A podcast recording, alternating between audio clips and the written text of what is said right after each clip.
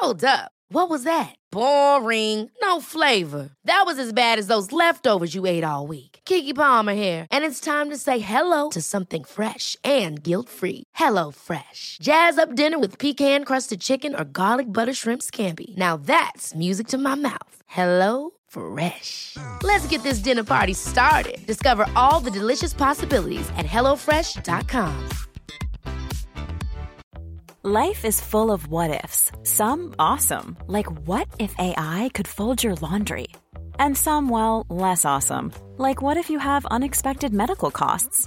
United Healthcare can help get you covered with Health Protector Guard fixed indemnity insurance plans. They supplement your primary plan to help you manage out of pocket costs. No deductibles, no enrollment periods, and especially no more what ifs. Visit uh1.com to find the Health Protector Guard plan for you.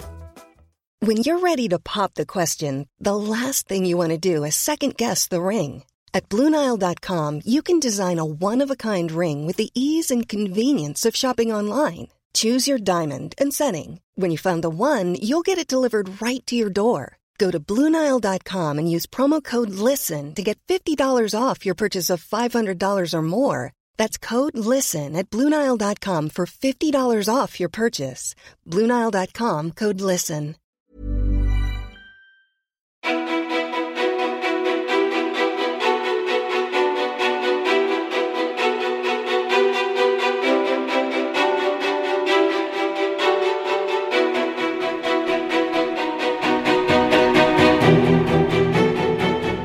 Sofia Pontén är astrologen som banat vägen för astrologins genomslagskraft de senaste åren. Sedan 2012 har hon jobbat som astrolog, författare och skribent till hundratals artiklar.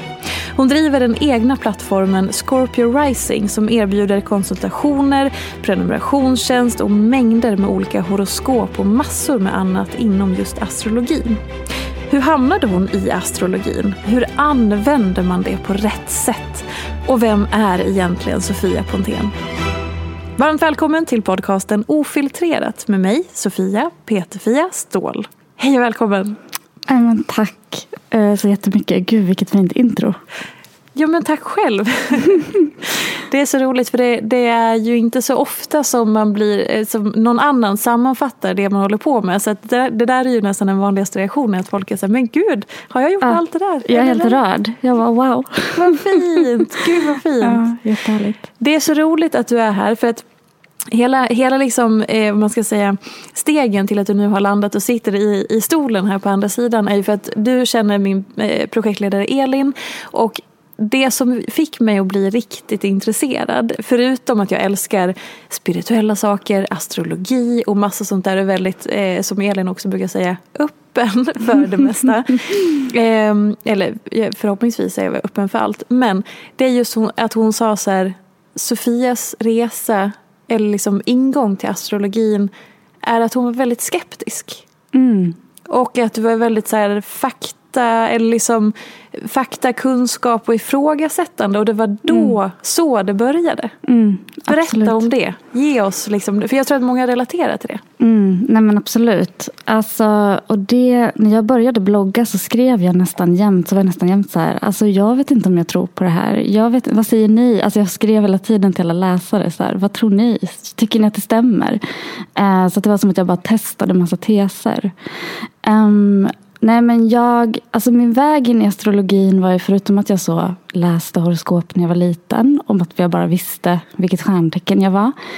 Um, så egentligen så var ju mina intressen när jag var yngre. Jag har ju alltid tyckt om att skriva jättemycket. Så liksom böcker och litteratur. eh, liksom poesi. Eh, och sen började jag läsa praktisk filosofi. Så det var egentligen liksom jag ville bara så prata om livet, tänka kring livet, mm. äh, tänka kring mening och känslor. Um, och sen blev jag jättebesviken när jag läste filosofi. Uh, för riktigt så funkar det ju inte, att man bara får sitta så och uh, eller, det är klart att man får sitta och tänka kring livet men det är ju uh, inom en viss ram och en viss form på universitetet. Um, så då hamnade jag i konst ganska länge. Uh, jobbade med performancekonst. Och sen uh, snubblade jag liksom in i astrologin. Um, på en, jag var i Brooklyn, jag bodde i Brooklyn i fem år. Och under mitt första år där så eller om det var mitt andra år där så snubblade jag liksom in i att det fanns så mycket mer i astrologi. Att det fanns liksom en hel, en hel värld av så här, vart stod, alltså första steget var ju så, att det fanns en massa andra planeter som spelade in och vart stod de här sakerna när man föddes. Um, och då var det som att min personlighet fick fler dimensioner än den här första uh, den här första grejen av att så här, ah, du, jag är född i tvillingarna, därför är jag tvilling. Mm. Um, så där föddes, liksom, liksom, ja, föddes det intresset. Och då hade jag också liksom den, under den tiden varit lite så här, typ, intresserad av rymden. Alltså där det fanns lite så bara så här Um, att jag typ läste, någon, uh, läste lite om så Carl Sagan som är en så astronom. Alltså jag var liksom mer på det hållet. Och sen plötsligt så var det som att så här, ah, här kunde jag möta, här kunde jag låta liksom myt och litteratur och filosofi och psykologi mötas. Liksom, med det här universumintresset. Um, så det var ju, det var ju så här, men det var ju verkligen en värld som öppnades. Och som jag inte kunde låta bli. Vad var det framför allt som fascinerade dig? Mm. Att allt... Um, jag tror att, att allt var tillåtet. Uh, att allt fanns med. Att det fanns med så här ego, drivkraft, kärlek, hinder, begränsningar. Alltså att plötsligt så fick liksom... Det var inte så mycket fokus på så rätt eller fel utan det var bara så ja, men det här är det att vara människa och leva. Um, och en av de första sakerna som liksom fascinerade mig var det här med att lära känna alla stjärntecken. Och bara behöva inse att så här, ja, man kan tycka att ja, men jag gillar inte det och det tecknet eller ha någon sån relation. Men att alla har sin funktion. Och att alla bara har så olika behov. Alltså för mig blev det något väldigt demokratiskt med det. Så något väldigt så, alla har sin grej. Det finns inget eh, det var, det var, inte så mycket bra och dåligt. Det var mycket mer gråzoner och mycket mer, eller alla möjliga färger. Mm. Och om vi går in lite grann på det här skeptiska som du kände i början. Mm. Berätta mer om det. Um, nej men jag kände att det var, alltså, för i början var det jättemycket att jag bara googlade runt. Liksom. Och då kände jag att det var ganska mycket så här, det här lät konstigt. Alltså det finns ju otro, alltså man bara googlar så Scorpio, eh, liksom sign, what does it mean? Eller mm. liksom vad som helst.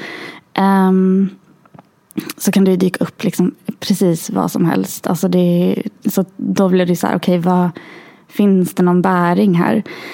Eh, samtidigt så, så liksom mätte jag ju det mot att så här, det här är en lära som har funnits jättelänge. Eh, den, den har varit liksom en, en byggsten i nästan alla så kult, kulturella uttryck, alltså alla liksom kulturer har någon relation till stjärnhimlen, till planeterna, till sol och måne och liksom hela den, alltså någonting finns det ju där mm. um, som, som lockar oss. Varför lockar det oss?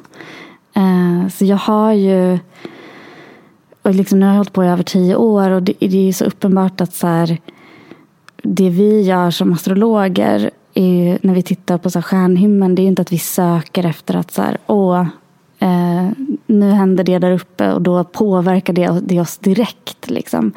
Utan det vi söker efter är ju liksom alltså det korrelerar, att det finns liksom cykler i det mänskliga livet såväl som i universum i stort här är så spännande. Jag är så här, var ska vi börja någonstans? Mm. För jag, mm. jag, vill verkligen börja i det skeptiska. För att jag tror mm. att många kan just relatera till att så här, okay, man har läst eh, veckohoroskopen i någon, mm. någon tidning.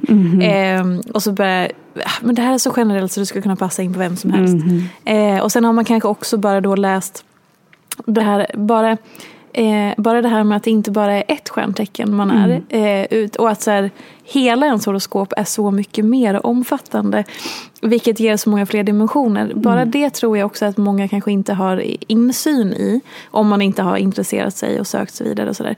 Men, men återigen, just vad upplever du är den största liksom, skeptism eller missförstånd runt astrologi eller så? Eh, det finns ju en bunt. Ja. Eh, det, finns, det är ganska många som så kanske blandar ihop det jag gör med typ någon så medial kraft. Att man kan, att man kan så känna in något eller liksom ha någon så eh, övernaturlig gåva. Typ. Jag är tvärtom väldigt så sitter och räknar ut saker. Alltså, det, är inte så, det är inte så magiskt på det sättet. Ehm, och sen är det väl mycket Ja, men mycket det här generella. Ehm, det, det återkommer ju väldigt ofta. Och sen den, en av de vanligaste grejerna jag får är väl också så här, ja men om du säger att så här, den här veckan kommer bli skakig, då kommer folk gå in i den veckan och känna att den är skakig för att de tänker att den kommer bli skakig. Liksom. Just det. Ehm, och det, jag, vet inte, den typen av, jag vet inte riktigt vad jag ska göra med den typen av kritik. För, att, ehm, för mig vad det handlar om det är ju att, att astrologi, vad det har visat sig vara för mig är ju ett, ett verktyg, alltså ett språk egentligen. Eh, f- alltså för att prata om, om sånt som kanske inte riktigt får plats i dagens samhälle. Alltså, jag tror att om astrologi hade varit här, det vi navigerade efter istället för typ jag vet inte, ekonomi eller eh, någon annan liksom drivande faktor som är mer så, så här, ah, men det här är det som bär samhället. Eh, då kanske inte jag hade varit så intresserad av astrologi. Alltså jag tror att jag gillar det därför att det också är lite så här, bryter upp normala mönster så att man kan få så här, kika lite. Hur kan vi se på saker på andra, liksom från andra perspektiv? Utan att, utan att det behöver betyda så här, ja fast nu är det fullmåne där och där och därför kommer det, det här och det här hända. Alltså, så jobbar inte jag. att liksom ehm, det, det är det enda som styr. Utan det är, ju, det är ju ett sätt att tolka världen. Skulle du säga att astrologi är flummigt? Eh, eh, ja, på ett sätt. Men sen, alltså när man lever i den bubblan jag lever i och sitter och lyssnar på så här tre liksom super eh, liksom, supermeriterade astrologer som har studerat saker i så här 30 år. Typ pratar i någon podcast om så här, olika, olika karaktäristiska för liksom, Pluto baserat på myterna kring... Alltså det, det, det blir liksom...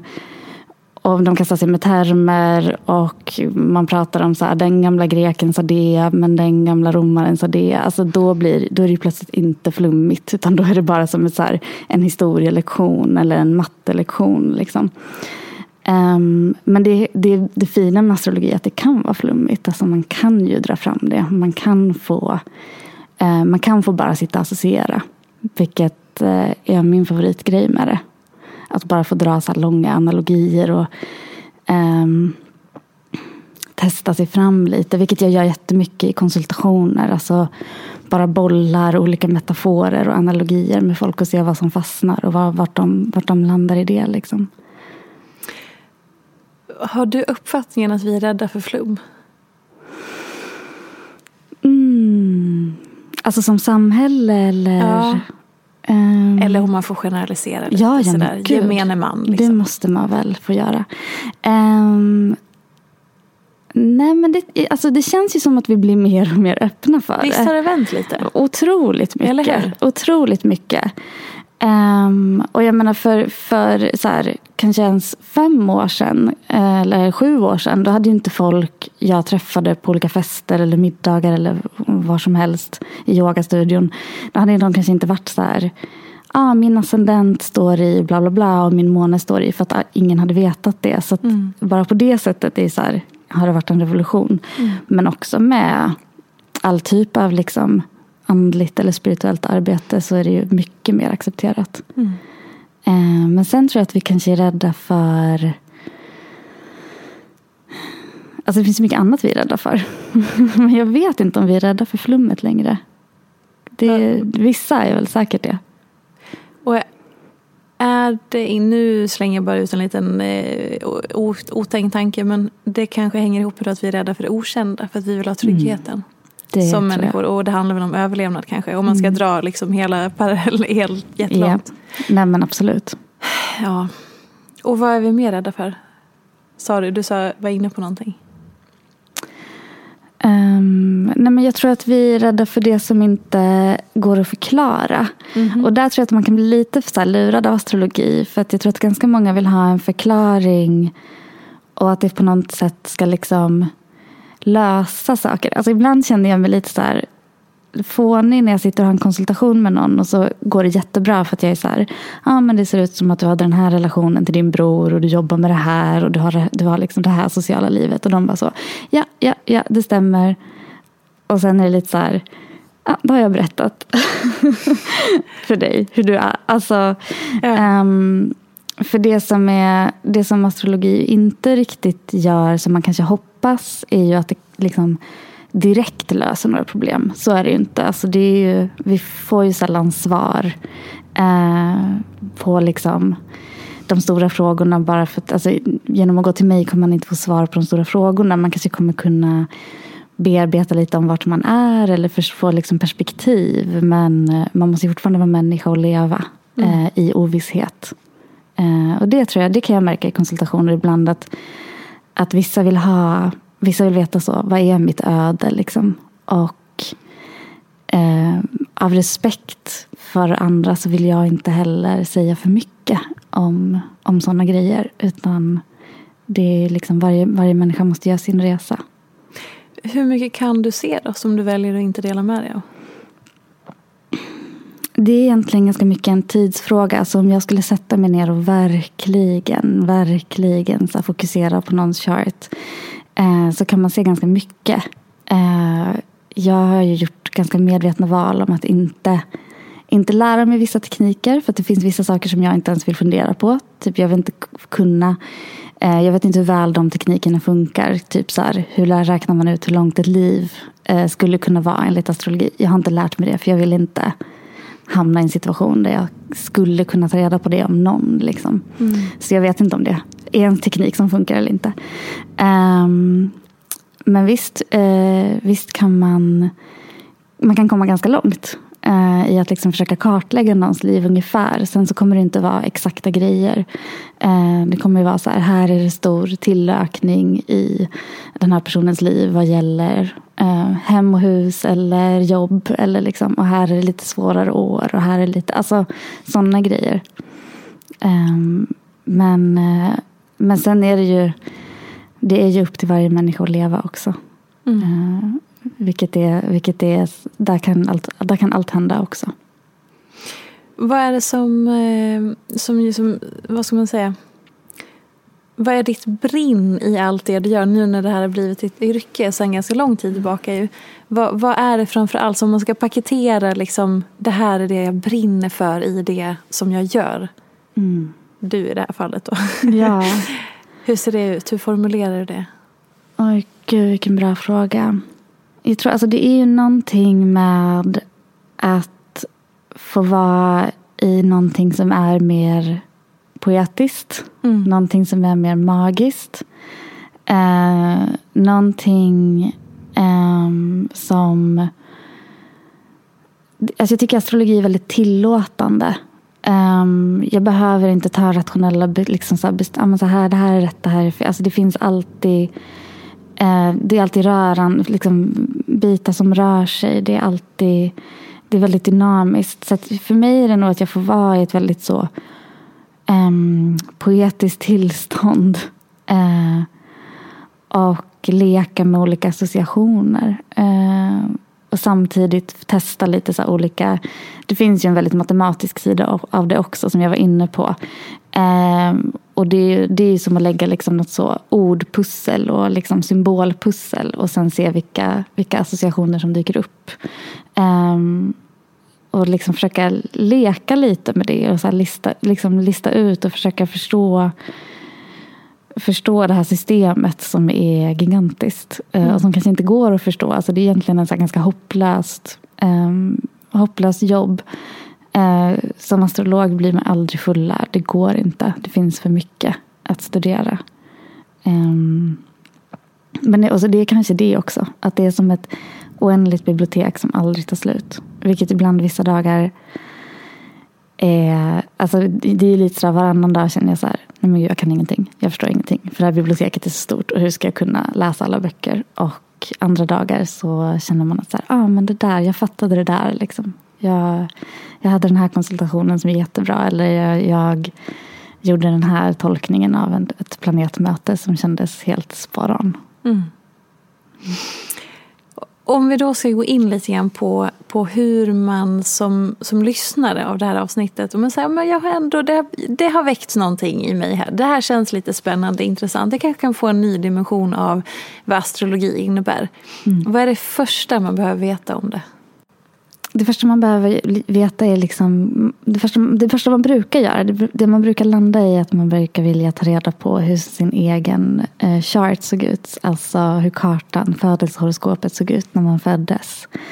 Um, och liksom ta reda på vad man har för ascendent, vilket är ett astrologins viktigaste begrepp. Och vart ens måne stod och vart Mars och Venus och Merkurius stod när man föddes. Um, så det, det brukar ju vara liksom inkörsporten om man säger så. Mm. Um, och genom att ta reda på det så kan man börja få lite så här. Vänta va? Uh, har jag en relation till månen? Har jag en relation till Venus och Mars? Har jag en relation till universum? Uh, och så lite nyfikenhet och så nyfikenhet i olika grad. Uh, vissa blir totala nördar och vissa nöjer sig med bara så här, få veta lite grann. Och då när du säger då till exempel ordet ascendent, om man aldrig har hört det tidigare, vad mm. innebär det? Eh, ascendenten handlar egentligen om, det finns alltid en ascendent varje sekund hela tiden. Det är det tecken som ligger precis i horisontlinjen utifrån platsen du är på. Så att när du föds, eh, tanken är då att när du föds så träffar liksom universums ljus dig för första gången. Oavsett om solen är uppe eller Jupiter är under jord eller uppe på himlen. Eh, så är det, liksom, det är din första exponering för solens ljus eller för universums ljus. Ehm, och då är det det tecken som var på väg upp i öster. Så din liksom personliga soluppgång eller då stjärnteckenuppgång eh, avgör liksom hela ditt horoskop. Eh, och det, det är där som eh, kropp och eh, själ manifesteras. För det är där jord och himmel möts. Så det är liksom kroppen och tanken som möts där, tänker man inom astrologi. Alltså, oh love it. ja, men det, är, det, det, är så, det, det, är fint. Ja, men jag tror att det är det här, det här att vi får vara lite så här min existens är lite mm. stor och magisk. Jag har en relation till universum. Sen i förlängningen handlar det också om att så här, och det har du också. Och det har alla runt omkring oss också. Alltså, I förlängningen är det liksom något ännu större magiskt som händer. Men just att man också själv får vara lite magisk eh, är härligt. Ja.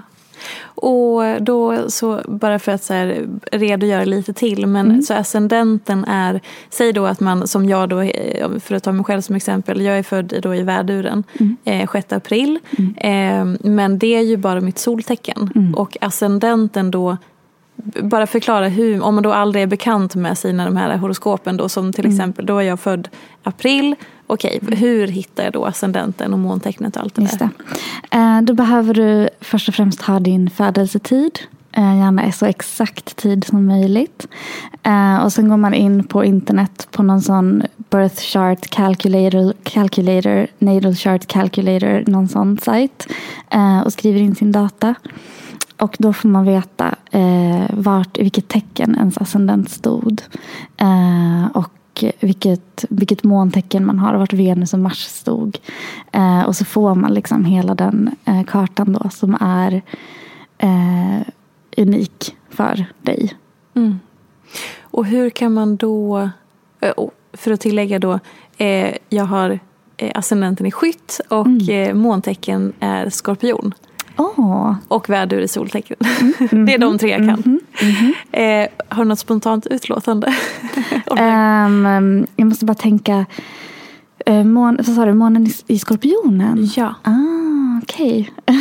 Okay. Skytt, skorpion och vädur. Uh, uh, men det är mycket, mycket eld. Mm. Uh, med skytten och väduren. Yeah. och en väldigt, alltså vädurssolen är ju stark i sig. Solen är exalterad i väduren kallas det. Den mår extra bra i väduren. Um, Eh, så att du har en väldigt stark sol.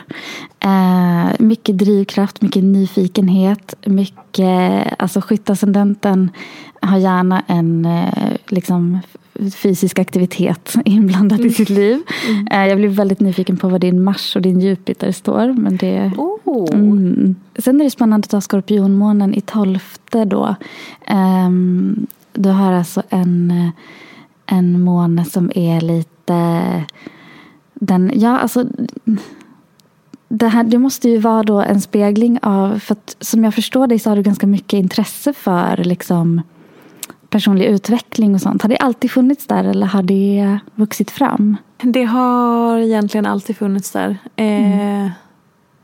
Skulle jag säga. Ja. Mm. Men sen har, jag nog inte, sen har jag lagt locket på väldigt mm. tidigt. Och sen har det kommit liksom med åren för att jag har behövt komma i kontakt med det.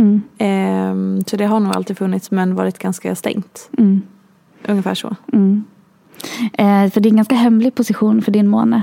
Mm eh, så att den är ganska liksom eh, återhållsam och kanske inte så många som får eh, träffa den. Vad spännande. Mm. Tvilling i Venus, var det det du ville ha? Nej, det är också intressant. Mars. Uh, Mars och Jupiter vill jag höra. Stenbock i djup stenbock i mars. Oh, ja. och oxe i Jupiter. Okej. Okej. Eh, spännande. Ah, um, mars mår ju väldigt bra i stenbocken. Det är ju verkligen en aktiv och strukturerad mars. Uh, som bara så. Get things done. Och det knyter också samman um, Um, din liksom, ditt nionde hus och ditt andra hus. Hur ska jag förklara det här då? Uh, ja, men det, det, finns, det, det är någonting med alltså väduren, din vädurssol vill väldigt gärna uh, sprida budskap och informera. Uh, din Jupiter i oxen är orädd för att jobba. Uh, vill att det ska hända saker. Alltså det finns väldigt mycket aktivitet i den här charten. Oh, ja. och och ja Eh, mycket driv. Väldigt, väldigt mycket driv. Uh, jag ska inte, jag ska inte bli för flummig. Uh, du får bli hur flummig du vill. Ja, vad bra. Jag sitter också så här, det känns som att jag sitter och tittar i kors för att jag försöker så här, rita upp den framför mig. Ja. men gud vad spännande. Mm. Allting sånt här är så roligt. Mm. Mm, Okej, okay. men så, så det man kan göra då, man, så, för det som vi gjorde nu var att jag gick in på en, snabb, gjorde en snabb googling också på, mm. eh, jag hittade en sida som heter Astroguide som jag brukar titta mm. på eh, slog in mina, nej, mitt klockslag, datum, platsen. Exakt. Och så räknade den ut och då fick jag ju alla de här.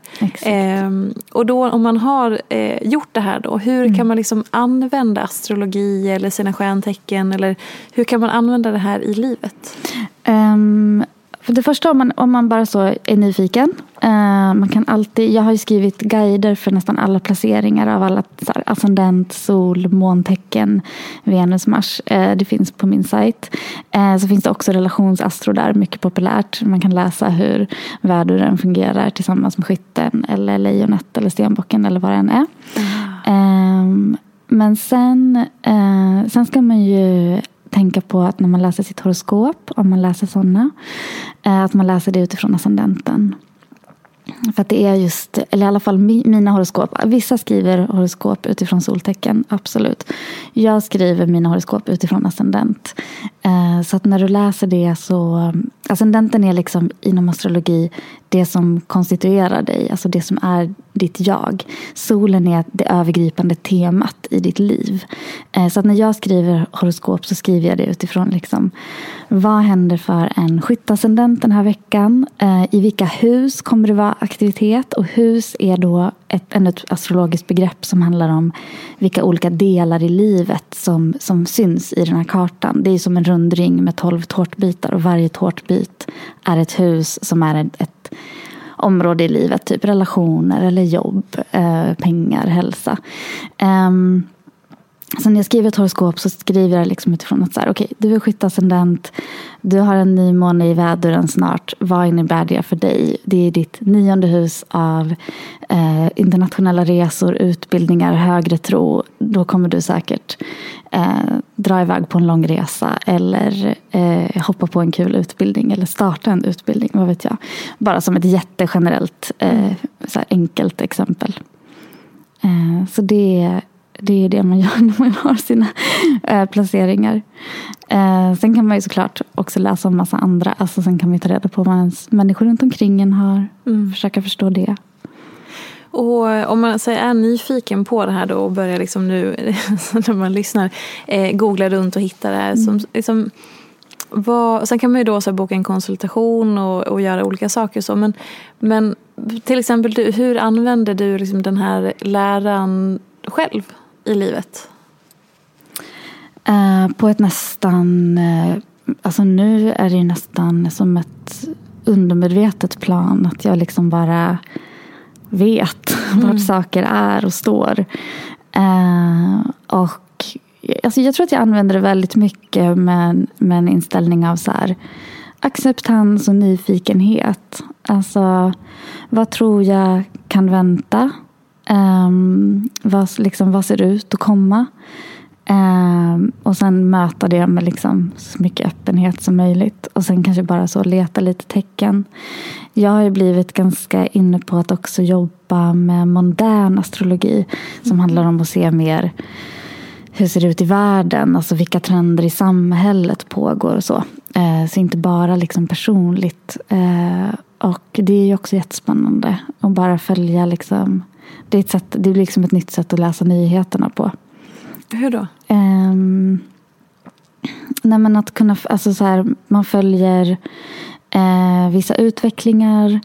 Eh, och liksom ser hur det korrelerar till planeterna och försöker, försöker göra liksom projektioner. Alltså jag misstänker att det är så som typ en nationalekonom jobbar också. Mm.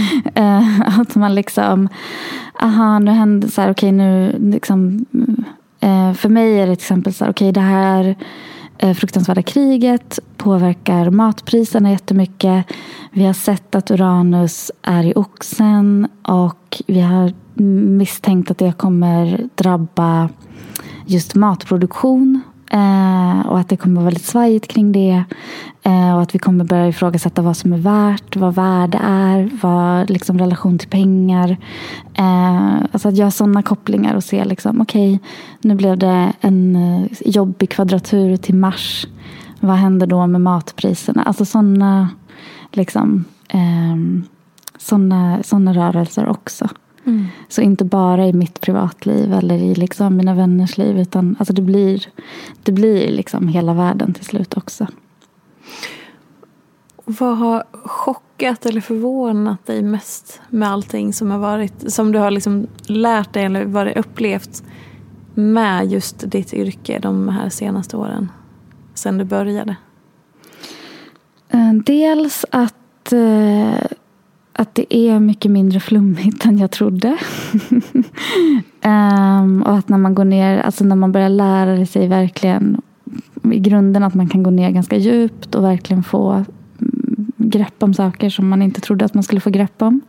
Men sen blir jag också konstant förvånad över så här, cykler i mitt eget liv som bara Ja, men det här var jätteuppenbart. Alltså, mm. det, det händer ju hela tiden.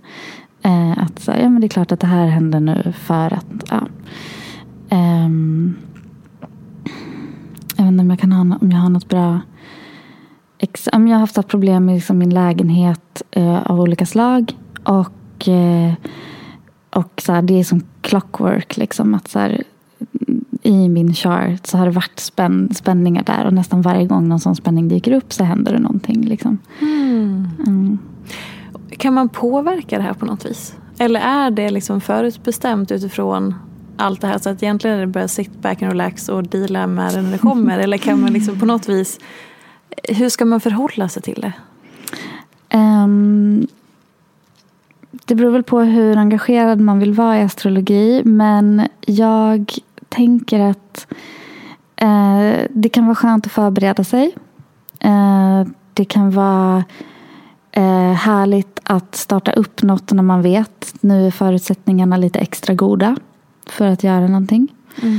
Eh, det kan vara trösterikt att bearbeta saker. Eh, och liksom påminna sig om att så här, för det som, är, det som är med astrologi är ju också att vi, vi slipper ju ingenting. Alltså, jag får jätte, jätte ofta frågan, så här, när vänder det här? När går det över? Mm. Um, och en av de liksom jobbiga sakerna med astrologi och de jobbiga sakerna med livet det är ju att det är jobbigt och att det kommer och går i vågor. Liksom, att det är jobbigt på olika sätt. Och att vi blir ju aldrig liksom av med det. Eh, det vi har olika perioder när det är lättare. Um, och vi har olika sätt att bemöta det. Um, jo, men jag tycker absolut man kan påverka. Därför att man kan skaffa sig nya relationer till sig själv och sin egen chart. Uh, det finns jättemånga som jobbar med liksom eh, ja, men rent, egentligen rent psykologiska principer. Alltså rent psykoterapeutiskt arbete nästan. Um, det finns en astrolog till exempel som skriver ganska mycket om reparenting.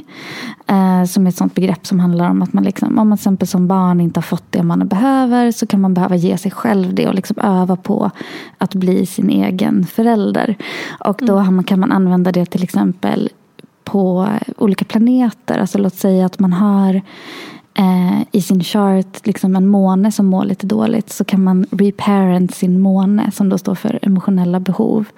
Eh, så kan man liksom i sitt eget liv vara så här vad behöver den här månen hos mig? Hur ser den ut? Vad, vilken tecken är den i? Vilket, vilken fas är den i? Hur mår den?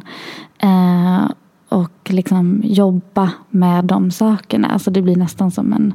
Eh, kan bli väldigt terapeutiskt. Hur vet jag om min måne mår dåligt? Um, då måste du nästan träffa en astrolog ja, för, att, ja. för att diagnostisera din måne. Um, och det är inte så att, att en planet, alltså allting rör sig ju hela tiden också. Din chart är egentligen bara en grundplåt att stå på. Uh, någon slags uh, det finns en astrolog som kallar det för din liksom skapelsemyt.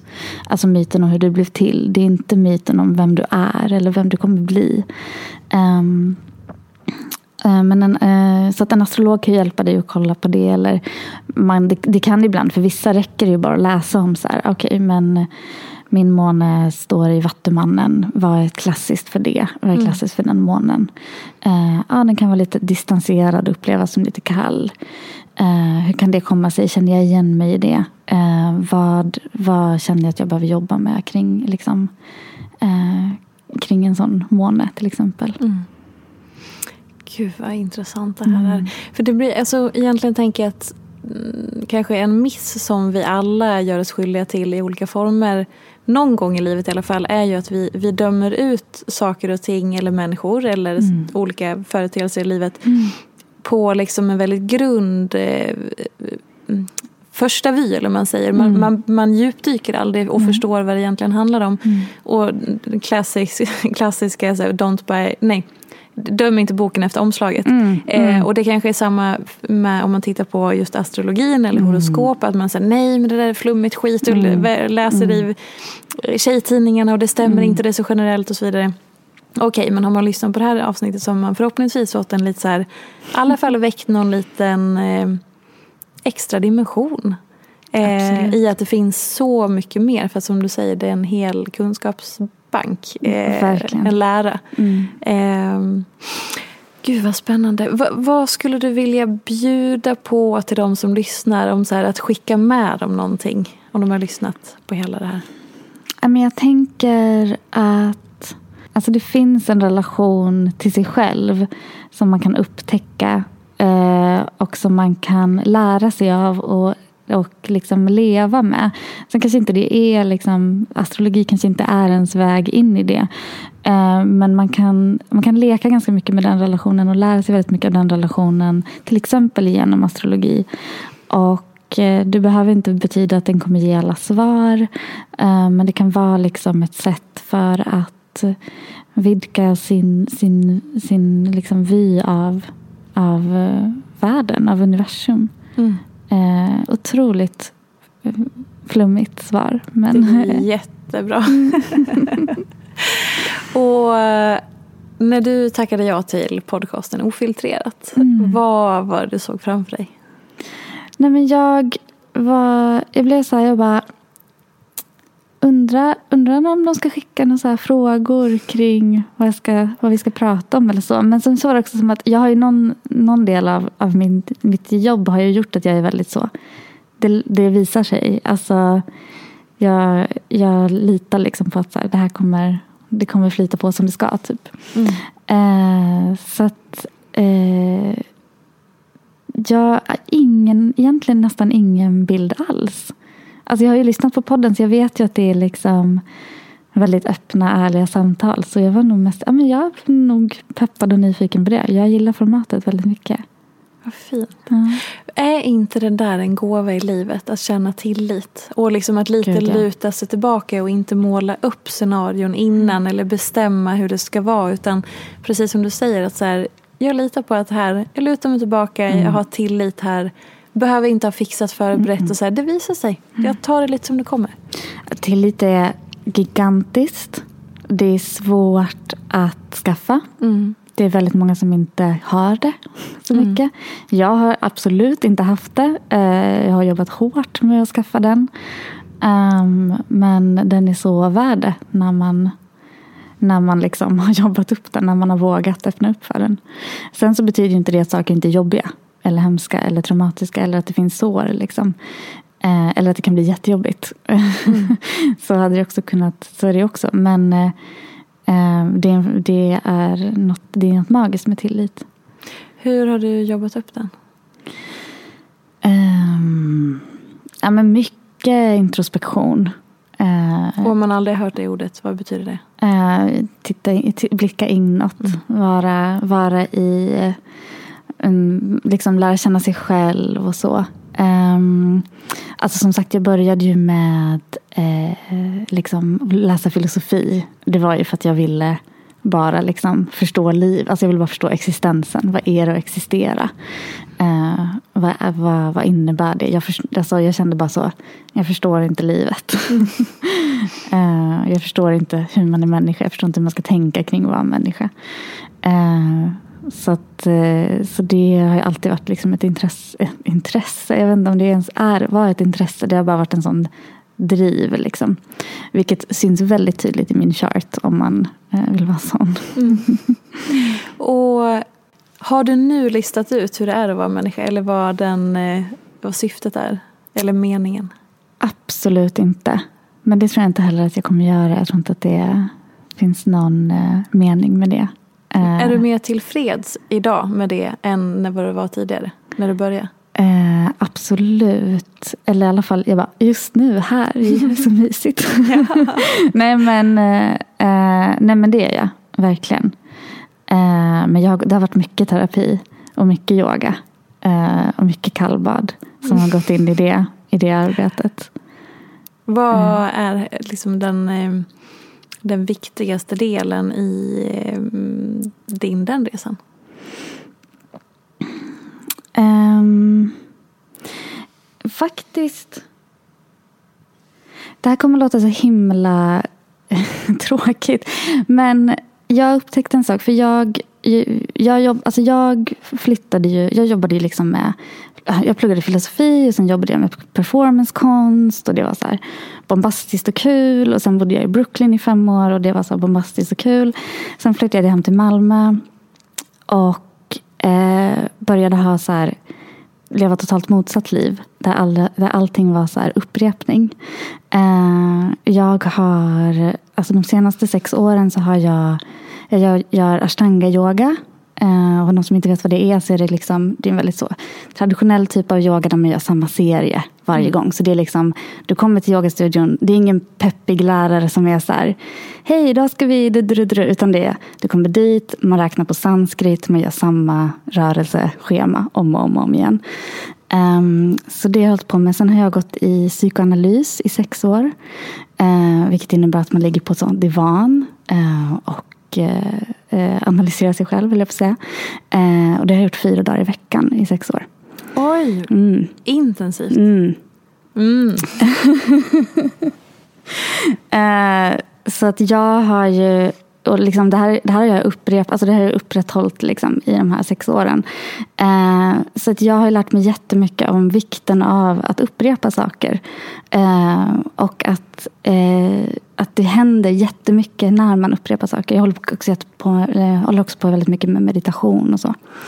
Eh, och att det är så här, man tror, alltså att det har varit så lätt för mig att vara så här man måste, det måste hända saker för att saker ska hända. Alltså att man måste göra saker för att saker ska hända. Liksom. Eh, och istället jag vet inte, göra den där inre resan av att nej, men det händer saker hela tiden.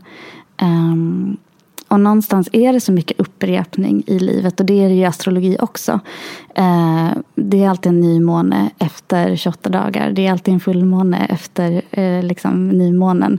Det är, Venus gör sin bana och återkommer i ett mönster vart åttonde år. Mars gör sin. Och så här, uh, det, är inte, det är inte så att de här grundbultarna flyttar sig så mycket. Men i varje sån där, liksom, den här nymånen så möter den Venus i den här fina eh, sextilen. Eller, alltså de här små detaljerna som också finns. Eh, så mitt nya motto eller mantra har varit liksom att jag ska tycka om upprepningen. Alltså att jag ska ha en vardag som jag så här, den här är värd att upprepa. Eh, jag, jag är okej att vara i den här rutinen. Liksom. Mm. Eh, och det låter, jag vet inte, det låter väldigt tråkigt. Det nej, men, men, nej. Jag bara, vem la den värderingen i det? Ingen. nej, jag är fascinerad och spännande. Om jag nu får svara för oss som lyssnar. Eftersom jag är den enda som kan uttala mig. Men det, för det väcker så många frågor. Men okej, varför sa du att det var tråkigt? Nej men det är väl min eh, tvillingsol som tycker att det är tråkigt. Eh, nej jag vet inte. Jag tror att, jag tror att det, är väl, det är väl någon del av mig som tycker att det är lite tråkigt. Som har varit så här. Men vadå. Du kan ju göra massa. Du kan ju bara leva ut och bara så här, eh, göra det du känner för. Eh, och sen den andra sidan som är så här. Ja ah, fast. Eh, jag vet inte. Det finns ju något, det finns så mycket att hämta i att jag känner att man så här, eh, är öppen för det som händer i en lika mycket som det som händer utanför en. Mm. Mm.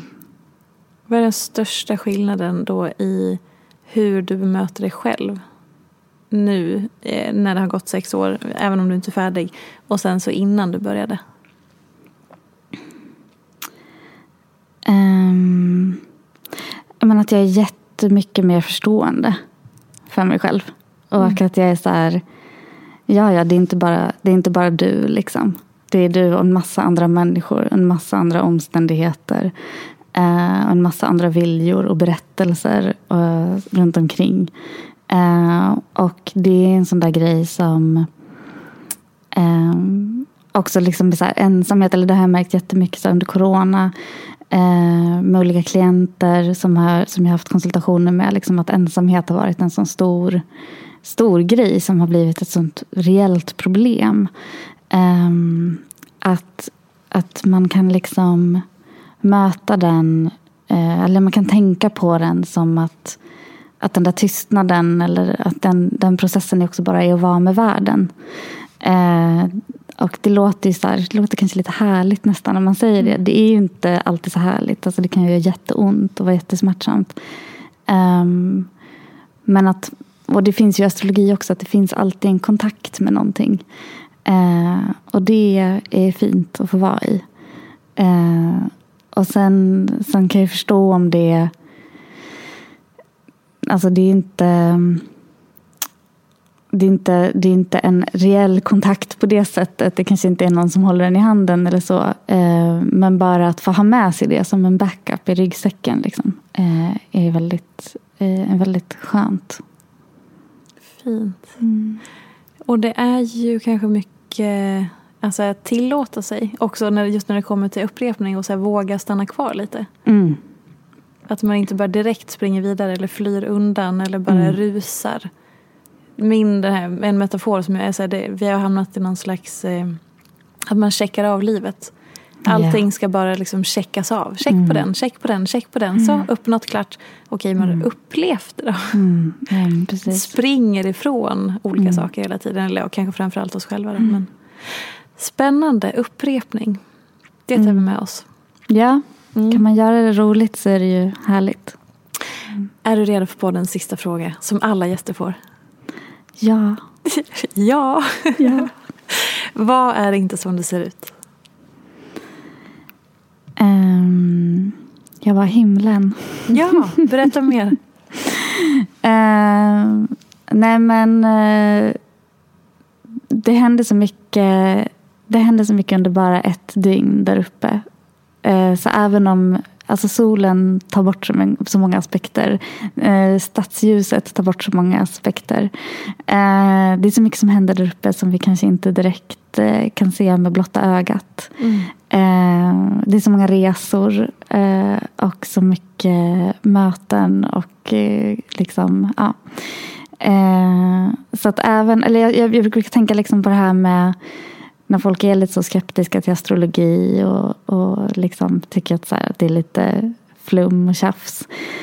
Eh, just det här att vi, vi, vi förhåller oss varje dag till att solen går upp. Eh, vilken tid den gör det. Liksom, det har vi, vi, vi har ställt våra klockor efter hur den rör sig. Eh, så vår relation till, till vad som händer på himlen Eh, jag tror att den är mycket mer grundläggande än vad vi ger den cred för. Och även oavsett om man tror på astrologi eller inte. Mm. Och då, nu hamnade vi där, där jag visste att vi skulle hamna. Men också aspekten hur jävla små vi är. alltså om vi bara pratar ja, om ja. universum. Ja. Jag fick upp mm. någon grej på Instagram som var så här. Det här är det universumet vi känner till. Och det mm. finns typ jag vet inte hur många miljoners miljarders till likadana mm. som mm. det finns där ute. Som vi inte ens, så, och så går vi runt med någon slags hybris och tror att vi är den enda planeten som har liv och så vidare. Mm. Så jag bara så här, nej men, man kan inte tänka på rymden av en anledning. För att det nej. är hisnande. Nej men verkligen. Och för mig är det en sån, jag blir, känner mig väldigt trygg när jag ja. tänker på det. Det är väldigt olika för olika personer. Jag känner mig jättetrygg när jag tänker på det. Jag tycker om att se sådana där videos när man zoomar ut. Du vet, ja. så här, från jorden och liksom ser Ja, det är ett ehm, skönt perspektiv. Mm, det är ett skönt perspektiv. Speciellt om man är så här. Ja, jag har så fula byxor hemma mm. i garderoben. Typ. så kan man ta en liten stund med universum. Ja, oh, vad härligt. Och eh, om det är så att man blir nyfiken på allt detta så kan mm. vi kontakta dig då är det främst via Instagram eller mejlen? Eh, ja, Instagram går bra, mejl går bra. Det finns såna här kontaktformulär på min sida på scorpiorising.se så det är liksom fritt fram eh, vart man än hittar mig höll jag på att säga. Mycket bra. Sofia Pontén ska tilläggas om mm. ni inte fick med det från starten. Tusen tack för att du ville gästa och komma hit och ge oss en djupare inblick i vad astrologi faktiskt innebär. Det var det lilla, det var helt underbart att få vara här. Tack så jättemycket. Tack snälla och tack till er som har lyssnat. Vi hörs igen nästa vecka. Puss och kram, ses snart på stan eller någonting sånt. Ha det gött, hej! Följ mig gärna i sociala medier. Jag finns på Instagram som peterfia och bloggar på peterfia.se. Jag blir så glad om du vill recensera den här podden, prenumerera och lämna gärna önskemål på gäster. Vi ses i sociala medier. Ha det gott så länge. Hej då! En podd från Allermedia.